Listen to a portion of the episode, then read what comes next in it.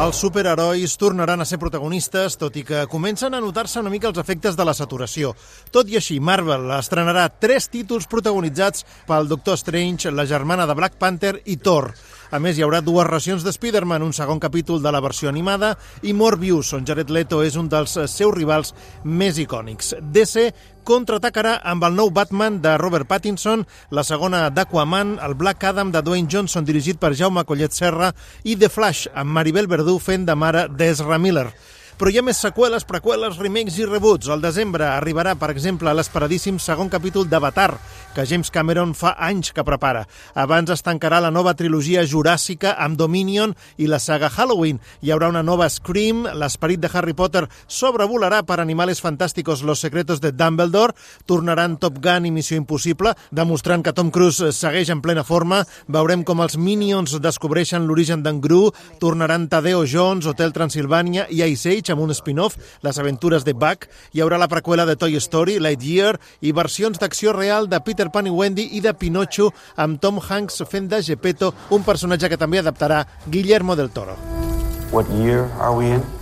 1941. El director mexicà també estrenarà El Callejón de las Almas Perdides, un film que entra a la cursa dels Oscars, on destaquen també Licorice Pizza de Paul Thomas Anderson, Belfast de Ken Loach i el Macbeth de Joel Cohen amb Denzel Washington. La llista de directors de prestigi que tindran nova pel·lícula aquest 2022 és molt llarga, entre d'altres. Alejandro González Iñárritu, George Miller, Ron Howard, Jordan Peele, Terrence Malick, Darren Aronofsky, Kelly Reichardt i l'aliança de Martin Scorsese amb Apple per fer realitat Los Asesinos de la Luna de les Flores amb els seus habituals Leonardo DiCaprio i Robert De Niro. Falten per estrenar-se també la guanyadora del Lleó d'Or a Venècia, l'Acontecimiento, i la que per molts crítics és la millor pel·lícula del 2021, la japonesa Drive My Car. A tot això també ens esperen dues racions de Sandra Bullock i Brad Pitt a Ballet Train i La ciutat perdida, George Clooney i Julia Roberts fent parella a Ticket to Paradise, Steven Spielberg explicant la seva vida a Los Fableman, l'adaptació del videojoc Uncharted amb Tom Holland, Wes Anderson amb el film rodat a Chinchón, Asteroid City,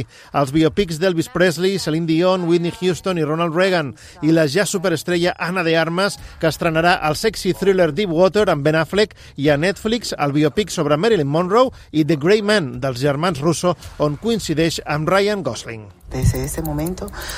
su abuela es una persona parcialmente dependiente. Més a prop tindrem l'estrena d'un any o una noche, la recreació per part d'Isaac i la Cuesta de l'atemptat a la sala Bataclan de París, Alcarràs, la següent cinta de Carla Simón després d'estiu 1993, dues pel·lícules més de Dani de la Orden, El test i 42 segundos, aquesta última sobre l'equip de waterpolo espanyol dels Jocs del 92, Històries per a no contar de Sesgai, La maternal de Pilar Palomero, la directora de Les Niñas, Els zombis de Malnacidos, el debut darrere la càmera de Juan Diego Boto amb Penélope Cruz, La Veneciafrenia d'Àlex de la Iglesia, La abuela de Paco Plaza, Los renglones torcidos de Dios d'Oriol Paulo, nous films de Carlos Bermut i Rodrigo Sorogoyen, una mena de Mamma Mia amb les cançons dels Hombres G i el film basat en la sèrie Càmera Cafè.